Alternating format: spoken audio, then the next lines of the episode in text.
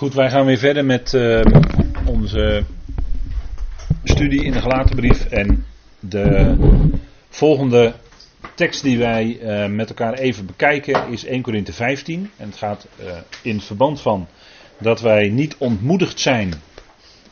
Laten wij, terwijl we het uitstekende doen, niet ontmoedigd zijn. Dus laten wij ons niet ontmoedigen. Maar juist bemoedigen door het woord en het woord heeft altijd kracht om te troosten, te bemoedigen, te versterken, aan te spreken. En daarom is het goed om dagelijks dat woord tot je te nemen. En Paulus zegt dan in 1 Korinthe 15, dat is eigenlijk de volgende, het volgende woord wat ik even met u wil lezen. Als bemoediging. 1 Korinthe 15. En er staat maar God zij dank. We kunnen dagelijks God danken. Voor het vele wat hij geeft, voor wie die is, dat sowieso. God is liefde, daar kun je hem dagelijks voor danken. Maar God zij dank die ons de overwinning geeft door onze Heer Jezus Christus. Kijk, dat is een woord van bemoediging, vind ik. Hij geeft ons de overwinning door onze Heer Jezus Christus. En de overwinning is helemaal niet dat wij grote aantallen mensen tot geloof brengen. Of dat wij hele volkeren tot discipelen maken, want dat is niet onze opdracht. Dat is de opdracht voor de Joden, dat is de opdracht voor Israël.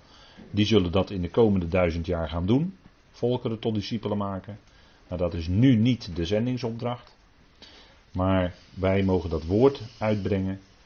En daarin zit eigenlijk een stukje overwinning. Want als wij dat woord uitbrengen, dan brengen wij uit dat de Heer Jezus Christus de overwinnaar is.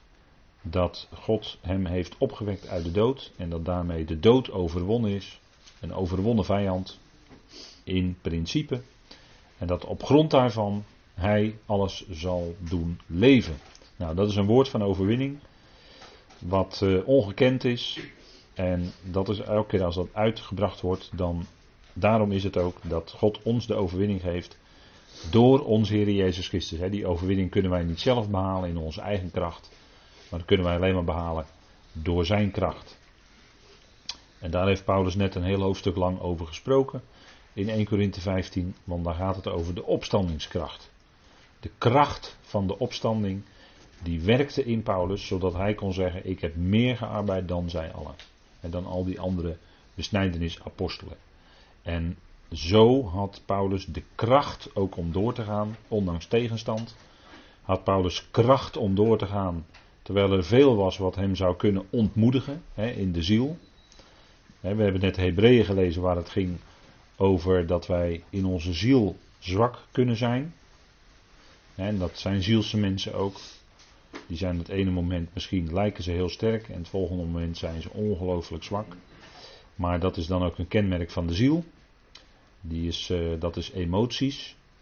daarom is er helaas veel prediking wat vandaag meer geënt is op de emoties dan op het geestelijke.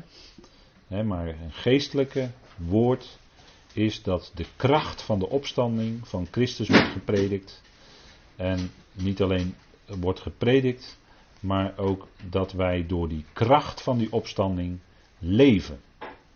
Dan leven we niet langer in onze eigen kracht en dan doen we de dingen ook niet onze, in onze eigen kracht. Dan zoeken we ook niet onze eigen oplossingen.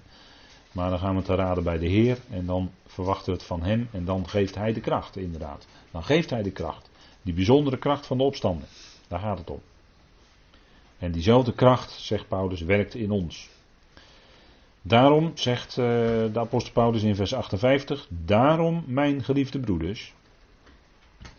dat is uh, de broeders, als er broeders zijn, dan zijn dat geliefde broeders. dan, dan kun je de andere broeders ook lief hebben. Ook Johannes zegt dat zelfs. Daar waar wij God lief hebben, hebben wij ook de broeders lief en andersom. Als je God lief hebt, dan heb je ook de broeders lief. En als je die broeders niet lief hebt, dan moet je je toch wat afvragen. Maar dan zegt hij: Daarom, mijn geliefde broeders, wees standvastig, onwankelbaar, altijd overvloedig in het werk van de Heer. Niet in je eigen werk, maar in het werk van de Heer. Daar kan nog een verschil in zitten hoor.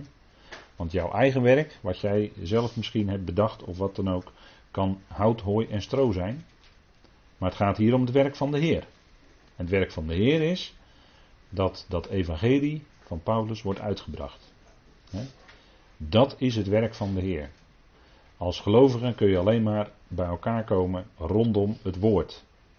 Als je, gelovige, als je als gelovige niet langer rondom het woord bij elkaar komt, dan ben je niet verder dan een club humanisten, zonder dat ik die negatief wil bestempelen. Maar humanisten zijn eerlijk, die doen het zonder het woord van God. Die willen elkaar lief hebben zonder het woord. Zonder geloof, zonder wat dan ook, zonder God. maar daar waar we als gelovigen echt bij elkaar willen komen, dan zou dat altijd zijn rondom het woord van God. En met daarin specifiek het evangelie van genade en verzoening van de apostel Paulus centraal. dat is zoals we bij elkaar komen en dan ben je bezig met het werk van de Heer. En niet met je eigen werk. want eigen werken, dat, is, dat weet u wat eraan hangt, dat is vlees. we zouden niet doen de werken van het vlees, dus onze eigen werken niet. Maar we zouden doen wat de geest werkt. En dat is het werk van de Heer. In de wetenschap staat dan in mijn vertaling hier dat jullie inspanning niet te vergeefs is in de Heer. Niet te vergeefs in de Heer. En dat zal bij de Bema zichtbaar worden. En dan gaan we niet heel hard lopen om zoveel mogelijk loon te verdienen bij de Bema. Zo ook niet. Want dan ben je ook weer bezig naar het vlees. Maar wel overvloedig, omdat je weet dat je inspanning, dat is de inspanning van de liefde, dat die niet te vergeefs is in de Heer. Want dan ben je bezig in de kracht van de opstanding. En die geweldige opstandingskracht die werkt ook in ons. Nou, we gaan even verder naar het volgende punt. Goed doen. daar zijn we de hele avond eigenlijk al mee bezig. Wat, wat kun je nou doen om goed te doen, om het uitstekende te doen? Nou, dus dat je elkaar kan bemoedigen. Hoe kan je elkaar nou bemoedigen? 1 Thessalonicense 4 vers 18. Paulus zegt, bemoedig elkaar met deze woorden. Welke woorden zijn dat? 1 Thessalonicense 4. Dat is onze heerlijke toekomstverwachting. Dat is de bazijn van God. Bemoedig elkaar met deze woorden. Dat is ons uitzicht. Dat is onze verwachting. Dat is onze toekomst. En pas als de bazuin geklonken heeft, ja, dan daarna gaat God verder inderdaad met Israël en alles en met de volkeren en komen de gerichten en noem alles maar op. Eerst zal die bazuin van God klinken als afsluiting van de tijd van genade. En dan wordt het voltallige lichaam van Christus, wordt het voltallige lichaam van Christus weggenomen van de aarde met grote kracht en snelheid. En pas daarna gaat God hier op aarde de gerichten brengen. Zijn vreemde werk, zijn vreemde werk, wat uitgebreid beschreven staat in het boek Openbaring. Maar dat gaat allemaal pas plaatsvinden nadat de gemeente, het lichaam van Christus, is weggehaald van de aarde.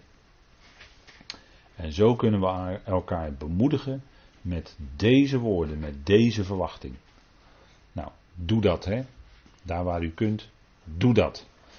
En we kunnen elkaar ook bemoedigen met de bemoediging van de schriften. Hè? We kunnen elkaar de schriften voorhouden. Elkaar bemoedigen met een enkel woord uit de schrift. Hè? Paulus kende dat ook in zijn eigen leven.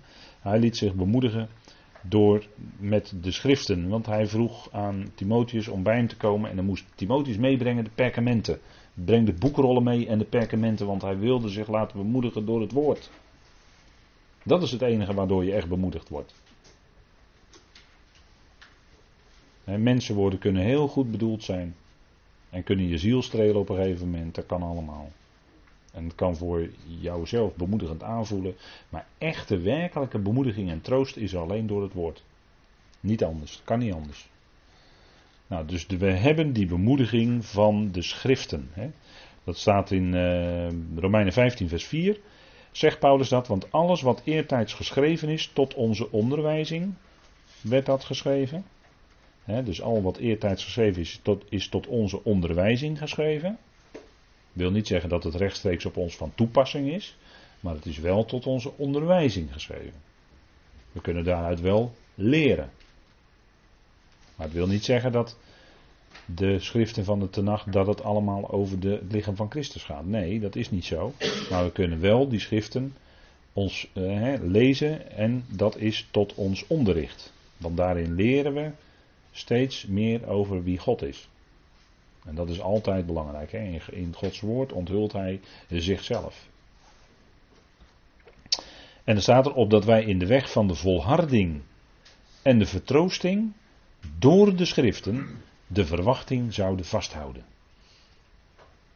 daar waar de schriften uit jouw leven verdwijnen als gelovige, en wat bedoel ik dan? Dan bedoel ik dat je de Bijbel dichtlaat, dat je die niet meer leest, dat je niet meer hoort, dat je niet meer luistert. Dan gaat die verwachting, die slipt dan ook langzamerhand uit je leven weg. En dan word je onzeker, en dan word je ook onzeker over je toekomst. Maar we zouden de weg van de volharding en de vertroosting door de schriften de verwachting vasthouden. En niets anders dan dat.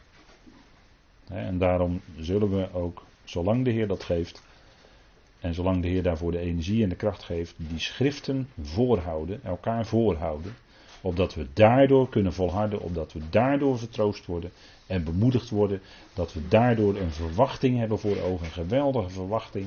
want dat geeft je kracht hoor, als jij echt die verwachting kent die God geeft. Dan heb je een geweldige kracht in je leven. Dan heb je een geweldige bemoediging. Grond onder je voeten. Nou, dat is wat, wat we elkaar toewensen. Dus die verwachting zouden vasthouden. Daar gaat het om. En dan 1 Thessalonicense 5, hè, als we het hebben over het uitstekende doen. Dan zullen we het even met elkaar lezen. 1 Thessalonicense 5, komen we daar nog een keer bij terug vanavond. Maar dat is wat wij zouden doen. Hè.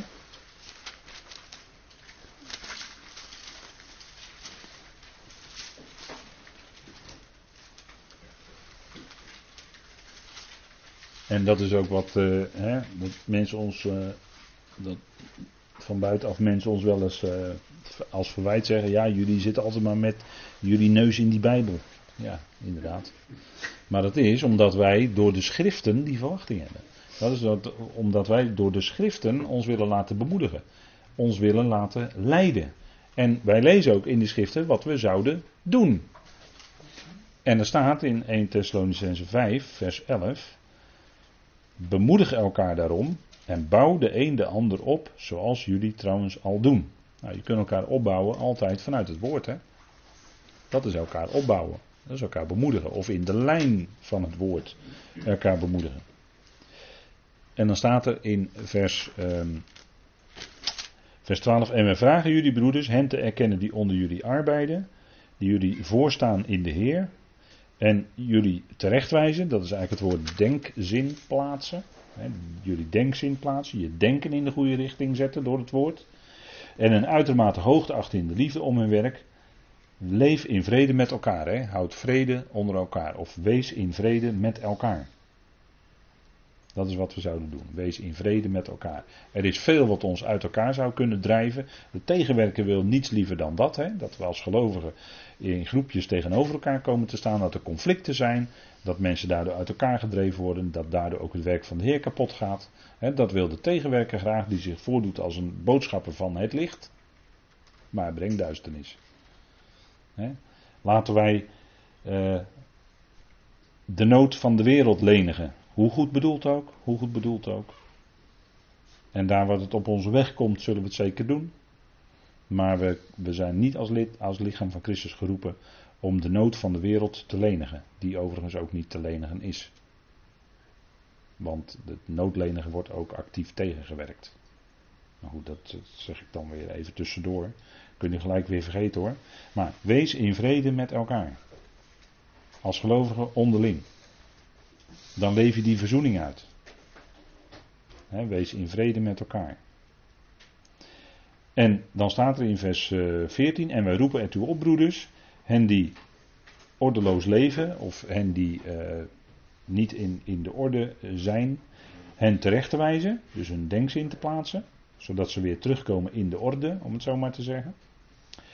De moedelozen, hen die zwak van hart zijn, te bemoedigen.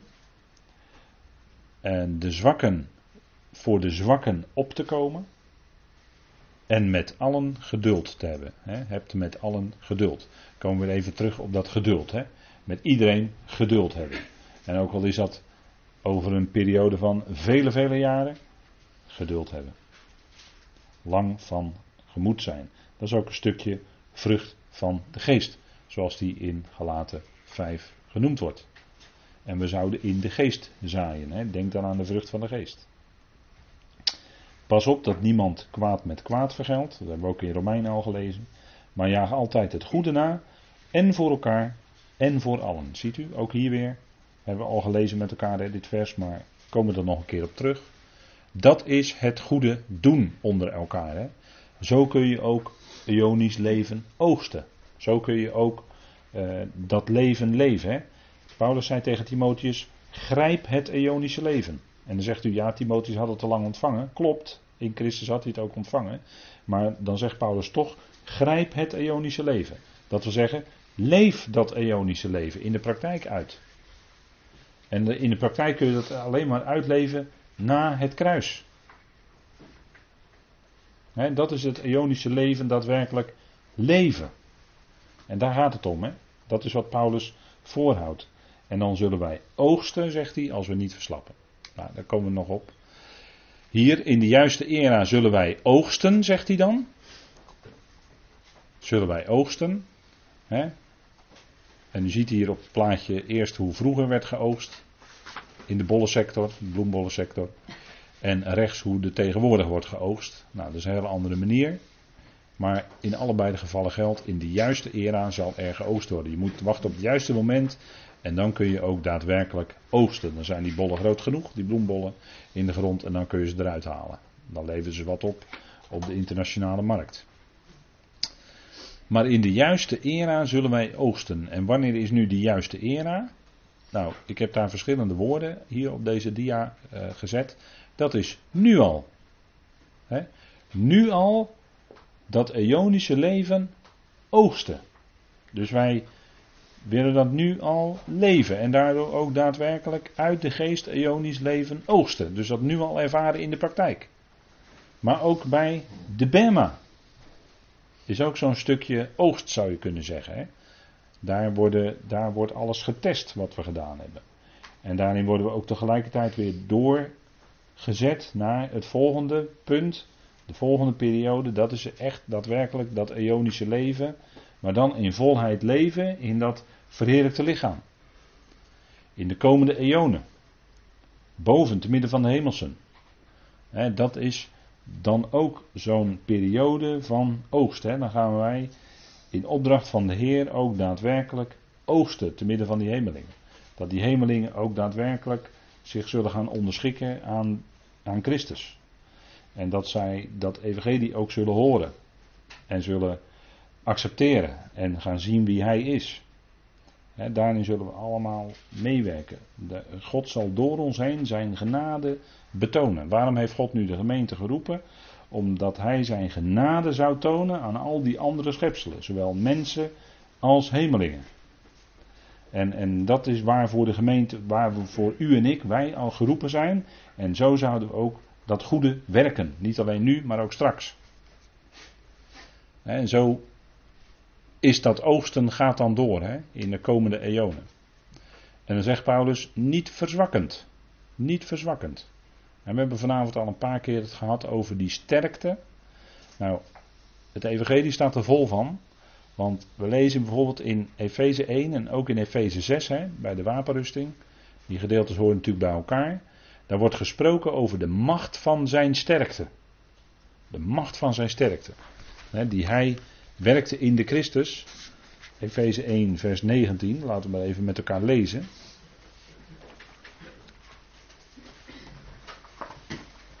Nou ja, we hebben de Efezebrief in het verleden wel eens besproken, maar vaak denk ik, je zou hem zo weer opnieuw kunnen bespreken.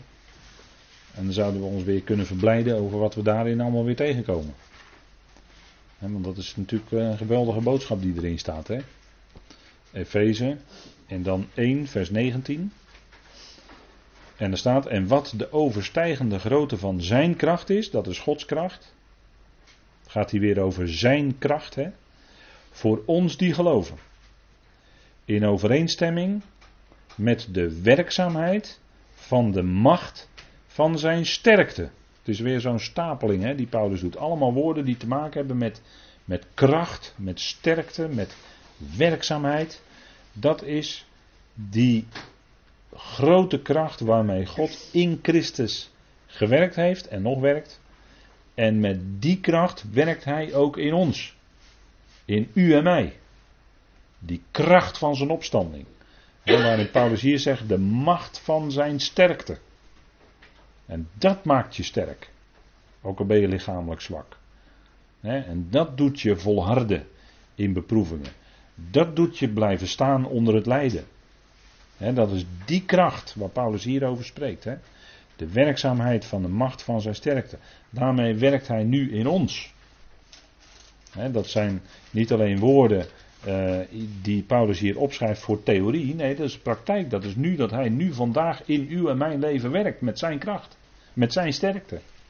Zodat we net als die adelaar kunnen, uh, kunnen blijven gaan. Die werkzaam is in de Christus, vers 20, hem opwekkend uit de doden en hem zettend aan zijn rechterhand te midden van de hemelingen. Die geweldige kracht. Nou, die was niet alleen nodig om hem op te wekken uit de dood, maar ook om hem te zetten aan zijn rechterhand. Boven alles, boven al die macht en krachten. Zijn ook wij gezet. Geestelijk gezien al. Dus we zijn daar al. En we zullen straks ook lijfelijk daar zijn. En, en misschien zal, zal wel een enkeling tegen een ander zeggen. Uh, bij wijze van spreken, hè, bij wijze van spreken. Hè, zal iemand misschien tegen iemand anders zeggen: Hé, hey, jij ook hier? Een beetje verbaasd. Of misschien wel andersom, zou ook nog kunnen. Hè? Maar ja, dan, dan komen we dus misschien soms te kijken wat Gods genade, wat Gods genade vermag. En dan kom je weer bij het punt van, je kijkt tegen elkaar aan van de buitenkant, maar het werk wat God van binnen doet, ja, dat is zijn werk. Gebeurt in het, hè, in het verborgene vaak. Nou, hij werkt met die geweldige kracht in ons. En die kracht is dan ook in de praktijk, als die vurige pijlen komen. Als die tegenwerker andere mensen gebruikt, vlees en bloed gebruikt. om vurige pijlen op jou af te schieten. Om jou uit je evenwicht te brengen. Om jou uit je slof te laten schieten. Om jou anders te, te laten reageren dan dat jij wil. Enzovoort, enzovoort, enzovoort. We kennen allemaal wel die momenten. En dan is het nodig om die wapenrusting van God aan te hebben. Want Paulus zegt dan in Efeze 6, vers 10: Voor het overige, mijn broeders, wordt krachtig gemaakt in de Heer. daarvoor hoef je niet naar de sportschool. Maar wordt krachtig gemaakt in de Heer, zegt Paulus. En in de macht van zijn sterkte. sommige, sommige, mensen die gaan drie, vier keer per week eh, naar de sportschool en in het weekend ook. dus die werken en dan hebben ze daarnaast de sportschool, zeg maar. Nou, maar wordt krachtig gemaakt in de Heer en in de macht van zijn sterkte. en dan leer je gaandeweg in de praktijk met die wapenrusting aan om die subtiele aanvallen van de tegenwerker te pareren. En dat schild van het geloof te hanteren. En dat zwaard van de geest. Die uitspraken van God. dat, als de tegenwerker jou, of die machten jou willen influisteren van ja joh, jij bent maar verschrikkelijk slecht en je doet er helemaal niet toe, dit en dat. Wacht even, schild van het geloof. Wij dan, gerechtvaardigd uit geloof, hebben vrede bij God door onze Heer Jezus Christus. Kijk, dat is een uitspraak waarmee je kan pareren.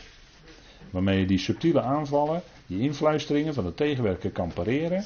Want dat is de waarheid. Niet wat jou ingefluisterd wordt is de waarheid, maar wat Gods woord van jou zegt, wat jij bent nu in Christus, dat is de waarheid.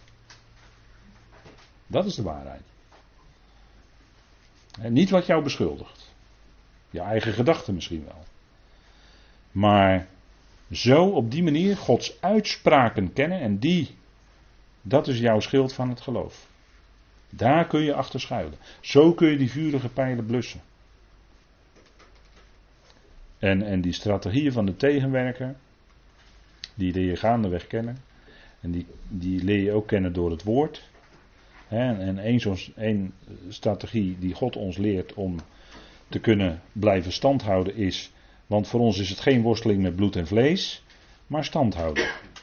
Niet tegen mensen, maar tegen de soevereiniteiten, tegen de gevolmachten, tegen de wereldmachten van deze duisternis. Tegen de geestelijke machten van de boosheid, te midden van de hemelingen. Dat is geen science fiction, dat is ook geen idee fix van Paulus, maar dat zijn die machten en krachten die bloed en vlees, andere mensen dus, gebruiken om jou te treffen. In de praktijk vandaag, op je werk, of dat je op school bent, of dat je bezig bent in de supermarkt, weet ik waar. Of in het verkeer. Of dat je met anderen spreekt over het evangelie. Dan zijn ze erop uit om jou te treffen, in de praktijk dus, vandaag, elke dag. En dan is het zaak om die wapenrusting aan te hebben, die geestelijke wapenrusting. En om dan stand te houden tegen al die strategieën. Die jou van het spoor willen afbrengen. Die jou van het evangelie willen afhouden. zal ik vandaag gaan naar de Bijbelstudie? Er komt toch weer iets tussen. Ga je weer niet. Het is geen verplichting om naar een Bijbelstudie te gaan. Maar het kan heel goed zijn dat die tegenwerker jou ervan af wil houden. Nou, en dan, dan willen jou uit je evenwicht brengen door, door bloed en vlees, wat, wat die anderen tegen jou zeggen of hoe die anderen tegen jou doen. noem maar op. Maar dan stand houden, want het zijn allemaal die geestelijke machten die op ons proberen vat te krijgen op een of andere manier. En die ons uit ons evenwicht willen brengen, van het spoor van het evangelie van Paulus willen afbrengen, op welke manier dan ook. Daar heeft hij zoveel tactieken voor. Maar we zouden blijven bij wat ons geleerd en toevertrouwd is, bewaren door de Heilige Geest. En zo te schuilen achter dat langschild van het geloof. Dat is heel praktisch wat Paulus ons aanreikt. Deze dingen te doen in de praktijk onder elkaar. Elkaar liefde te blijven betonen. Die ander te dienen met liefde. Ootmoedige gezindheid.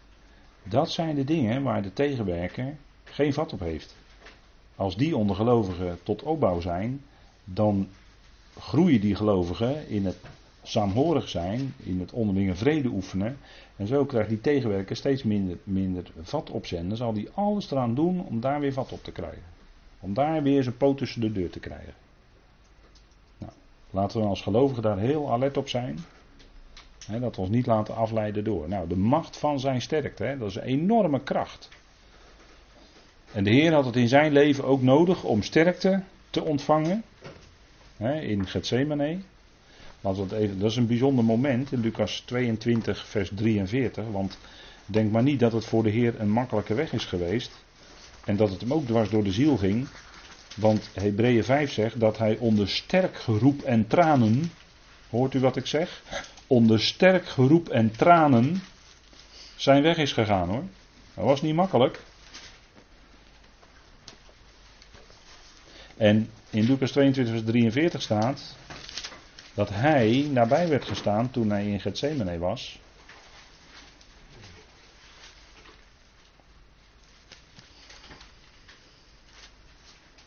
En dan lezen we even die woorden waar, waarin de Heer alleen was met Vader. En uh, Lucas 22, vers 42 is dat. En dan bidt hij: Vader, als u wilt, neem deze drinkbeker van mij weg. Maar laat niet mijn wil, maar de uwe geschieden. Kijk, dat was die op en top geestelijke houding van de Heer. Laat niet mijn wil, maar de uwe geschieden. Niet mijn wil. Niet mijn wil. Dus niet het vlees, niet de ziel. Maar zijn wil, maar Gods wil. Dat die geschieden. Maar laat niet mijn wil, maar de uwe geschieden. En aan hem verscheen een boodschapper uit de hemel, die hem versterkte. Ziet u het? Dus op dat moment had zelfs de Heer dat nodig. Dat er een boodschapper bij hem kwam, die hem toesprak, die hem sterkte. En die, die waarschijnlijk woorden van vader overbracht. Ik weet niet hoe, wat ik daar precies bij moet bedenken. Maar in die hele moeilijke momenten vlak voor het kruis. En de Heer, dat was een enorme drinkbeker. Dat diepe, diepe lijden aan het kruis. Daar moest hij doorheen. En hij wist van de vreugde, die had vader hem voorgesteld, daar wist hij van. En hij ging toch die weg in geloof. En niettemin kwam er een boodschapper uit de hemel die hem versterkte. en dat, dat is voor ons vandaag, is dat dat horen naar dat woord. He dat God zijn woorden spreekt door de boodschapper Paulus. En die woorden van het geloof die bemoedigen ons, die versterken ons. Juist op momenten dat we het in lijden moeilijk hebben, of als we meelijden met de ander die het heel moeilijk heeft, dat kan ook natuurlijk. En dat we misschien zelf ook wel momenten kennen van sterk geroep en tranen, die een ander misschien nooit zal zien of nooit zal horen. Maar God hoort ze wel, God kent die tranen, hij hoort dat geroep van u, als u het moeilijk heeft. En daarin spreekt hij zijn bemoedigende woorden, sterkt hij ons. Dat niet boven onze lippen zal komen dat geweldige heerlijkheid wacht. Die geweldige vreugde die ons is voorgesteld, die zal God ook gaan geven. Die zal die waarmaken. Hij zal die heerlijkheid aan ons brengen. Die heerlijkheid is veel en veel groter dan u denkt. Nou, daar zijn we naar op weg.